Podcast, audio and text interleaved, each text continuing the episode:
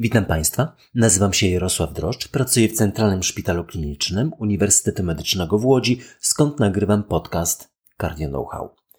Zbliżający się koniec roku nastraja do podsumowania. Prawdziwie niezwykły rok, obfitujący w radość bezproblemowego dostępu do szczepień przeciwko COVID, jak i przeciwko grypie. Pamiętacie Państwo ubiegłoroczne problemy organizacyjne ze szczepieniami w obu tych zakresach? Przeciwko COVID nie było, przeciwko grypie nie było, było opóźnione. Czekaliśmy, pracowaliśmy niezaszczepieni.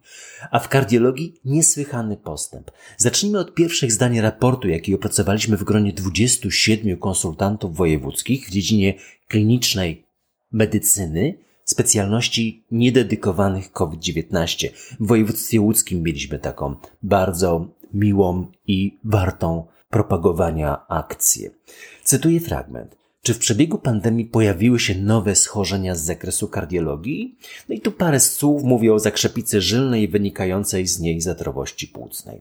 Czy w pandemii pojawiły się opóźnienia, tak zwany dług zdrowotny w zakresie klasycznych schorzeń serca i naczyń? Tak, w czasie pandemii pojawił się istotny dług zdrowotny z zakresu chorób serca i naczyń i wynosi on od 6 do 43%. Najmniejszy dług zdrowotny na naszym terenie dotyczy interwencyjnego leczenia ostrych zespołów wieńcowych z uniesieniem odcinka ST. I w tym zakresie zespoły kardiologiczne zdały znakomicie ten trudny egzamin. A jakie działania należy podjąć, optymalizując funkcjonowanie opieki zdrowotnej po ostrej fazie pandemii? No, widzę zasadność, między innymi, zintensyfikowania ambulatoryjnej opieki specjalistycznej z przesunięciem ciężaru diagnostyki oraz wybranych form terapii optymalizacji farmakoterapii na przykład, na poradnie specjalistyczne i mówię tam, jak należałoby od strony organizacyjnej do tego podejść.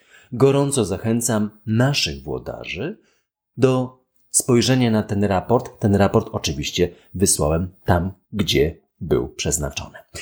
Zasadniczą część dzisiejszego podcastu poświęcę jednak dziś rankingowi nowych, przełomowych badań z zakresu kardiologii, które pojawiły się w roku 2021. A był to niesłychanie obfity rok ważne badania i to z pozytywnymi wynikami. Dawno nie pamiętam takiej mnogości nowych koncepcji diagnostyki, ale przede wszystkim leczenia szerokiej palety schorzeń serca i naczyń.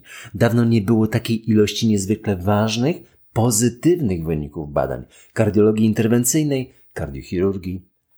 Pamiętam światowe kongresy kardiologiczne, na których całe sesje hotline kończyły się rozczarowaniem.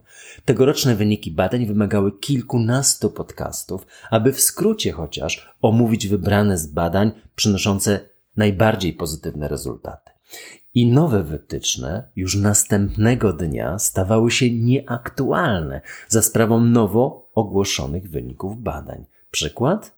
Wytyczne niewydolności serca wskazywały na zasadność stosowania flozen u chorych z niewydolnością serca i frakcją wyrzutową poniżej 40%. A następnego dnia z powyższego zdania pozostało już zgodne z prawdą jedynie początkowe – Zasadność stosowania flozen u chorych z niewydolnością serca. Kropka. Mówiliśmy o tym w epizodzie 32. Tegoroczna lista składa się z 10 pozycji. Zaczynamy. 10. Omecamtiv mecarbil. Omecamtiv mecarbil. Pewnie trudno jeszcze Państwu wymówić tą nazwę, ale mam przeczucie, że w nadchodzącym roku usłyszymy ją nieraz. Braliśmy udział w Galactic HF, Niektórzy mówią, że uzyskano jedynie 8% redukcję zaostrzeń niewydolności serca, ale bez wpływu na śmiertelność. To prawda, ale wyższa skuteczność charakteryzowała populację o bardzo niskiej frakcji wyrzutowej. Sprawa jest zatem jeszcze otwarta, ale ważniejsze tu jest jednak coś zupełnie innego. To pierwszy skuteczny lek w nowej grupie aktywatorów miozyny. Popatrzmy. Niewydolność serca to przecież słabe serce. Dokładnie tak nazwaliśmy portal dla chorych z niewydolnością serca słabeserce.pl. A słabe serce należy wzmocnić. Beta blokery je przecież osłabiają. To oczywiście uproszczenie, przepraszam bardzo. Beta blokery nie osłabiają, ale to są beta adrenolityki, a aktywatory miozyny wzmacniają siłę skurczu. Jak zaczynałem pracę, testowano różne stymulatory receptora beta, tak zwani beta-agoniści, ale wyniki zawsze wychodziły źle. Pogarszały rokowanie. Omecamtiv mecarbil to pierwszy lek w historii, który zwiększa siłę skurczu mięśnia, poprawiając rokowanie przewlekłej niewydolności serca. Zapamiętujemy nazwę Omecamtiv mecarbil. Dziewiąte. Kompleks żelaza z karboksymaltozą.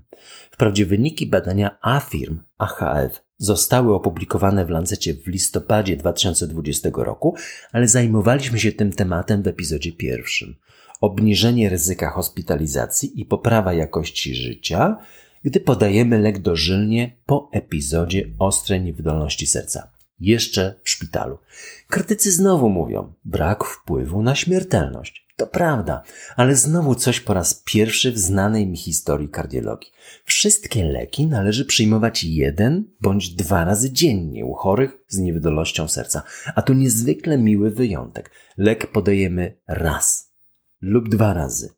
Tylko raz lub dwa razy w odstępie miesiąca i działa przez długie miesiące, rok, dwa, trzy. To tak ważne w dzisiejszych czasach, kiedy chorzy nie stosują się do naszych zaleceń i poprawia jakość życia zdecydowanie najsilniej ze wszystkich znanych mi leków w niewydolności serca. To widać gołym okiem i to bardzo, bardzo ważne. I ten lek jest bezpieczny, co jest nie mniej istotne. Pozycja ósma. Statyny wywołują bóle mięśniowe? Epizod trzeci. Tak twierdzą pacjenci i też lekarze, którzy przyjmują statyny, więc pewnie coś w tym jest. Mam takie odczucie, i to moja osobista opinia, że działania tego typu pojawiają się, gdy brak jest wskazań do statyn, no bo przecież podwyższone stężenie cholesterolu nie stanowi wskazań do statyn. Jest nim wysokie ryzyko nawrotu już przebytego incydentu wieńcowego. Gdy mamy do czynienia z pacjentem z prawdziwymi wskazaniami do statyn, bóle mięśniowe praktycznie nie występują. W badaniu Samson zamiast dwóch grup testowanych leków naprzemiennie testowano trzy koncepcje u tych samych chorych. Statyna, placebo i nic. Puste opakowanie leku. Efekt nocebo. Wszyscy mówią w tym roku o tym badaniu Jamesa Howarda. Powtarzają clever, clever design, bo to rzeczywiście prawda. Proste, a rewolucyjne. Porównanie z nic, ale to ważne, bo nieprzyjmowanie tabletki, która może zawierać statynę, to uwolnienie mózgu od lęku przed dolegliwościami mięśniowymi. I co? Ponad 90% dolegliwości mięśniowych związanych przez chorych z przyjmowaniem statyny było związanych z samym faktem przyjmowania tabletki, a nie z chemiczną substancją leku z grupy statyn. Co ważne, wielu z tych chorych z tego badania powróciło do statyny, mimo tego, że miało je przeciwwskazane, bo miało ewidentnie potwierdzoną nietolerancję statyn. Powrócili do statyny, jak zostali poinformowani o jego wynikach. I ci charakteryzują się co najmniej 30% redukcją kolejnych epizodów naczyniowych. Pozycja numer 7. Finerenon. To też nowa nazwa, finerenon. I kolejne dobre dla mnie osobiste przeczucie. Stawiam taką tezę, że niedługo reklamy tego leku zasypią nasze skrzynki mailowe. Wiadomo, że pomimo podawania inhibitorów konwertazy nadal organizm produkuje aldosteron, a aldosteron to taka nasza autotrucizna. No jak z Agaty Christie i nie było już nikogo. Znacie Państwo, mówiliśmy o tym. Aby ją unieszkodliwić, mamy w aptekach odtrutkę, spironolakton, nieco bardziej bezpieczny eplerenon. Ale obie te substancje to steroidy z pewnymi szkodliwościami w samej swej naturze, a finerenon to pierwszy w historii skuteczny i bezpieczny niesteroidowy antagonista aldosteronu. Badania Fidelio i Figaro omawiam w epizodach 18 i 34. Krótko mówiąc, lek skuteczny w niewydolności serca, możliwy do zastosowania w niewydolności nerek, GFR 25 i więcej, ba właśnie wówczas szczególnie skuteczny, ponieważ chroni również nerki. ogranicza albuminurię i minimalny jest jego udział w podwyższaniu ponad miarę stężenia potasu. To bardzo, bardzo ważne. Trafi do receptariuszy bez dwóch zdań i to już w roku 22. 6. Stosowany już w Mezopotamii przez Sumerów kwas acetylosalicylowy, epizod 19, nadal jest stosowany w różnych dawkach. I to nierzadko zupełnie nie zależy od schorzenia czy wskazania do tego leku. Adaptable powstawiło, postawiło kropkę nad i w temacie tak zwanej dawki naczyniowej. Jest nią dawka, uwaga, 75-100 mg i nie wyższa. Testowano wprawdzie w tym badaniu 81 mg, Stany Zjednoczone mają taką dawkę, ale pozostańmy na rynku europejskim 75 do 100. Pewnie nie przedstawiałbym tego tematu, gdyby nie sama koncepcja badania Adaptable. Internetowy formularz samodzielnego zgłaszania chorych, internetowy formularz zgody na udział w badaniu, pozyskiwanie danych z bazy Medicare, odległe rokowanie, takie NFZ, prawda? Przykładowy z naszego terenu. Zupełnie odmienna koncepcja od stale zwiększanego wymogu nowych badań wielośrodkowych. Bierzemy w tym udział, męczymy się przeokrutnie, aby zrealizować projekty, które pozwolą na odpowiedź na konkretne pytania. I jeszcze jedno. Bardzo prosty przekaz związany z pozyskanymi wynikami, zwrócony nie do lekarza, do pacjenta. Jeśli przyjmujesz dawkę kwasu acetylsalicylowego 81 mg, 75-100, pozostań. To dobra decyzja. 2. Jeśli podejmujesz na nowo leczenie kwasem acetylosalicylowym, rozważ dawkę niższą, ponieważ jest lepiej tolerowana i tak samo skuteczna jak dawka wyższa. Jeśli przyjmujesz dawkę a 325 mg i dobrze ją tolerujesz, pozostań na tej dawce, co może być dobre. No ale kolejne pokolenia pacjentów będą już przyjmowały dawkę mniejszą 75 do 100 mg. Piąte, również kwas acetylsalicylowy i dwa przełomowe badania. I pierwsze oznaki, że to nie jest tak, że zawsze będzie rekomendowany. Epizody 19-36. Po pierwsze, badanie host exam. Pacjent po ostrym zespole wieńcowym, leczony podwójną terapią przeciwpłytkową. Dodanie do kwasu acetylosalicylowego inhibitora P2Y12 to dobrodziejstwo, ale i przekleństwo okupione wyższym ryzykiem krwawień. A co odstawiamy, gdy kończy się zakładany czas podwójnej terapii przeciwpłytkowej? Oczywiście ten inny lek niż kwas acetylsalicylowy. Dlaczego? Bo się przyzwyczailiśmy. Ale dane temu przeczą. Bo gdy pozostawimy klopidogrel, to zmniejszamy ryzyko krwawień o jeden rocznie na każdych 100 leczonych pacjentów. To sporo. I zmieniamy wytyczne, modyfikujemy nasze przyzwyczajenia. Jako kardiolodzy dokonujemy tego częściej niż inne specjalności, ale mamy także większe niż inne specjalności postępy leczenia, większą skuteczność, zdecydowanie mniej powikłań. Postęp jest każdego roku ogromny, ale tylko wtedy, gdy zmieniamy przyzwyczajenia albo w ogóle nie mamy przyzwyczajeń. Kardiolog z przyzwyczajeniami to jest bardzo niepokojące zjawisko. Czytamy publikacje, wytyczne, słuchamy podcastów.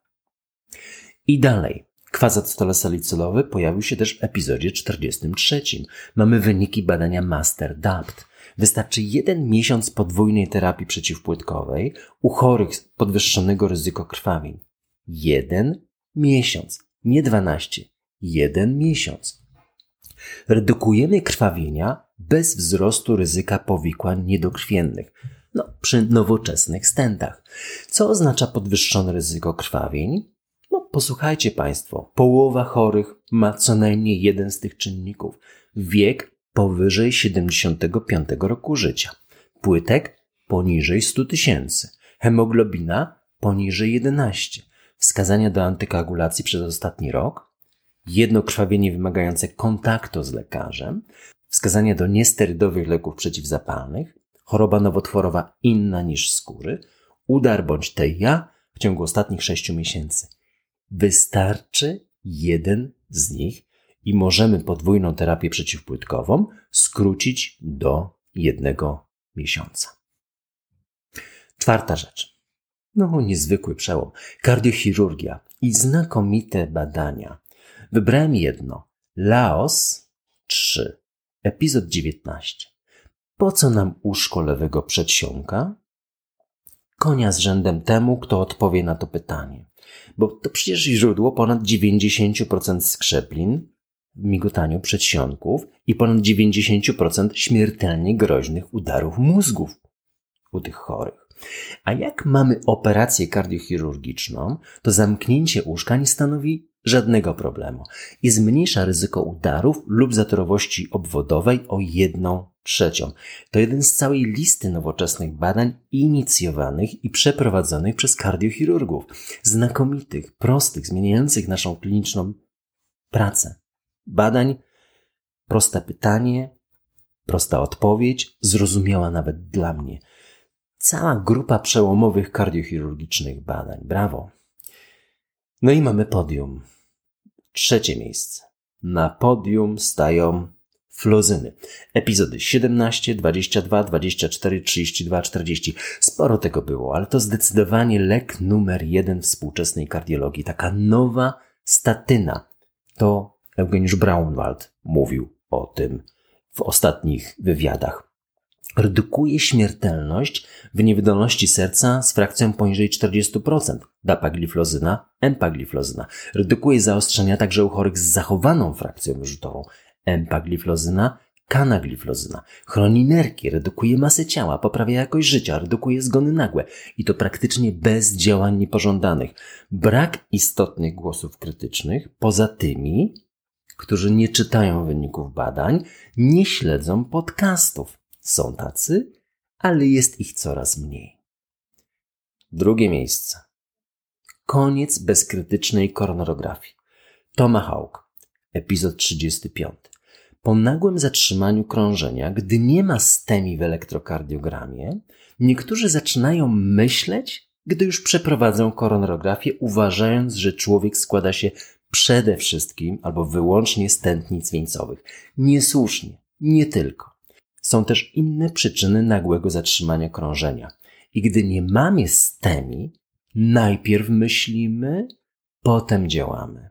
A koronografia nie przynosi tu korzyści, odraczając czas na uruchomienie naszych szarych komórek i pacjenta szarych komórek i poszukiwanie prawdziwej przyczyny nagłej, nagłego zatrzymania krążenia i protekcję niedokrwionego przecież mózgu. W tym wypadku pacjenta. No i największym wygranym roku 2021 jest Swoją drogą, powinniście Państwo skojarzyć, że o jednym badaniu do tej pory nie mówiłem, a ono wygrało w mojej ocenie pierwsze miejsce. Szczepić czy nie szczepić? Epizod 35 i 39. No, dygresja. Na COVID niemal zawsze. Jak słyszę, że pacjent pytający lekarza o szczepienie na COVID słyszy w odpowiedzi, że ryzyko powikłań poszczepiennych jest wysokie z uwagi na profil chorób sercowo-naczyniowych, to rosną mi zęby. Oczywiście im więcej schorzeń kardiologicznych, tym bardziej niezbędne jest szczepienie i tym skuteczniejsze jest szczepienie w redukcji ryzyka zgonu. A starym facetom mówiącym o ryzyku zapalenia mięśnia sercowego po szczepieniu mówię, że ta kwestia dotyczy przede wszystkim młodych mężczyzn w wieku 19-24 żeby popatrzyli w lustro. A same szczepienie szesnastokrotnie zmniejsza ryzyko zapalenia mięśnia sercowego, ponieważ też jest ono związane konsekwencją choroby COVID-19. Nie tylko szczepienia. 16 razy bardziej choroby niż szczepienia. I to nie tylko COVID niemal każdej infekcji. I Marian Turski mówił o ostatnim tygodniu: szczepienia to nie dyskryminacja, a potrzeba samoobrony. I dalej, zgadzamy się powszechnie, że człowiek palący nie powinien być wpuszczany do autobusu. Czy jest to dyskryminacja? Nie. Ale w badaniu IAMI, bo to badanie wygrało w 2021 roku w mojej perspektywie patrzenia na kardiologię. Pytanie było inne. Czy szczepić na grypę chorych tuż po ostrym zawale serca? No bo, że szczepić na grypę to jasne. Ale czy tuż po zawale serca, na przykład w trzecią dobę u pacjenta na podwójnej terapii przeciwpłytkowej. Tak, redukcja ryzyka zgonu o 41%. W najlepszych amerykańskich szpitalach, nie wiem jak jest w polskich, pacjent po zawale serca nie wychodzi już niezaszczepiony na grypę i na COVID. A u nas? A u was? Dlaczego? Porównajmy. Pozycja 10 naszej listy. Omecamtiv mecarbil 8% redukcji hospitalizacji bez redukcji śmiertelności i codzienna dawka leku versus jedno. Jedno szczepienie przeciwko grypie i 41% redukcja śmiertelności. Dlatego przyznałem to miejsce pierwsze. Jakie badania pominąłem z konieczności ograniczeń dziesięciopunktowej listy? Wiele. Zmiana zalecanego składu soli kuchennej w redukcji powikłań nadciśnienia, badanie SSA-SS, epizod 38, 25% KCL zamiast NaCl, nowoczesna ocena FFR, bez konieczności dedykowanego cewnika, tak zwane QFR i wynikająca z tej oceny mniejsza liczba stentów w wielonaczyniowej chorobie wieńcowej leczonej interwencyjnej. Favor 3, epizod 43. Lepsze wyniki przeżycia chorych operowanych z powodu bezobjawowej ciężkiej stenozy aortalnej. Awatar, epizod 45. To też jedno z kardiochirurgicznych badań. Po co łączymy osierdzie z opłucną? Palax, epizod 47. No i trzy przełomowe artykuły niezwiązane z badaniami, ale bardziej metaanalizami. Otyłość jako największa plaga XXI wieku. COVID uwypuklił to w analizie przyczyn hospitalizacji, epizod 12. Rewaskularyzacja przewlekłych zespołów wieńcowych. Ma miejsce. Epizod 46. I angioplastyka pnia lewej tętnicy wieńcowej. Epizod 47. Lektura. Nie znalazłem czasu w tym tygodniu na nową powieść. Pod choinką przeczuwam co najmniej kilka nowych pozycji. Wracamy zatem do Michała Nogasia z niejednej półki wywiady 2020. Ta książka pozostaje mi w pamięci i wraca do mnie z każdym nocnym koszmarem. Michael Laub, rocznik 73, urodzony w Porto Alegre, Brazylia, mówił w 2019 roku, cytuję, Osoby, które popierają obecnie skrajnie prawicowego prezydenta Bolsonaro, nie przeczuwają zagrożenia, które mogą przynieść jego rządy. Uważają, że nic się nie dzieje, że przecież demokracja funkcjonuje. Fakt, że ten system powoli w Brazylii upada, że jesteśmy świadkami rozpadu struktur państwa, z tego co wiem, w Polsce jest zresztą podobnie, to jego słowa, niepokoi wyłącznie intelektualistów, ludzi kultury, przedstawicieli wolnych zawodów, to o nas. Wielu obywatelom brakuje refleksji, wstają, idą do pracy, wracają, nie dostrzegając, że pętla powoli się zaciska. I nawiązuje do tego profesor Włodzimierz Wrubel, mówiąc tuż przed świętami – Ogromna rzesza ludzi została wyborcami bez żadnej wiedzy o regułach panujących w demokratycznym państwie. No ale Jacek Fedorowicz w tym samym tygodniku zdecydowanie potwierdza, że dożyje lepszych czasów. A rocznik to jest 1937. Pozwólcie Państwo, że przedstawię na koniec cały zespół Cardio Know-how. Nie byłoby tego, Gdyby nie ten zespół i każdy ma swój udział w niewątpliwym sukcesie akademickiego portalu edukacyjnego. 49 wykładów, 48 podcastów, łącznie z tym, którego Państwo słuchacie, 1500 prawie stałych użytkowników, ponad 30 tysięcy oddzielnych sesji, z czego 10 tysięcy na wykłady i 20 tysięcy na podcasty. Jest się czym pochwalić. Zaczynaliśmy w ubiegłym roku z panią Joanną Milczarek i Natalią Stanisławską z Fundacji Uniwersytetu Medycznego w Łodzi FUMED oraz grupą profesjonalnych informatyków Uniwersytetu Medycznego w Łodzi. Z naszej strony dr Robert Morawiec, dr Oliwia Matuszewska-Brycht. Dołączył później Paweł Messer, dr Paweł Messer, odpowiedzialny za podcasty. Prowadzi mnie w tym zakresie, widzicie Państwo efekty. Dobre, złe, Wasza ocena. I dr Aleksander Misiewicz, prowadzący warsztaty, między innymi ostatnio Cardio Know-how Day. Bardzo Wam dziękuję za wysiłki włożone w realizację, kochani, naszej edukacyjnej myśli. A władzom wojewódzkim dziękuję za sfinansowanie raportu i wystąpień konsultantów wojewódzkich, mojej alma mater, Uniwersytet Medyczny Łodzi, za gościnność dla naszego akademickiego portalu edukacyjnego oraz panaceum pani dr Patrycji Proc za promocję. Zdrowych, radosnych świąt i szczęśliwego nowego roku. Brzmi to jakby było z innej epoki, ale pozostaniemy przy tym standardowym tekście życzeń. Wszyscy się dziś tego wstydzą, ale my powtarzamy za naszym magnificencją, rektorem, profesorem Radzisławem Kortkiem. Życzmy sobie nawzajem radosnych świąt. Jeśli Państwo będziecie mieli uwagi, kierujcie na media społecznościowe. Mamy dwa tygodnie przerwy, potem króciutko wracam, potem pewien test zmieniamy troszeczkę e, wykładowcę podczas podcastów. Potem pewnie wrócimy. Kłaniam się Państwu.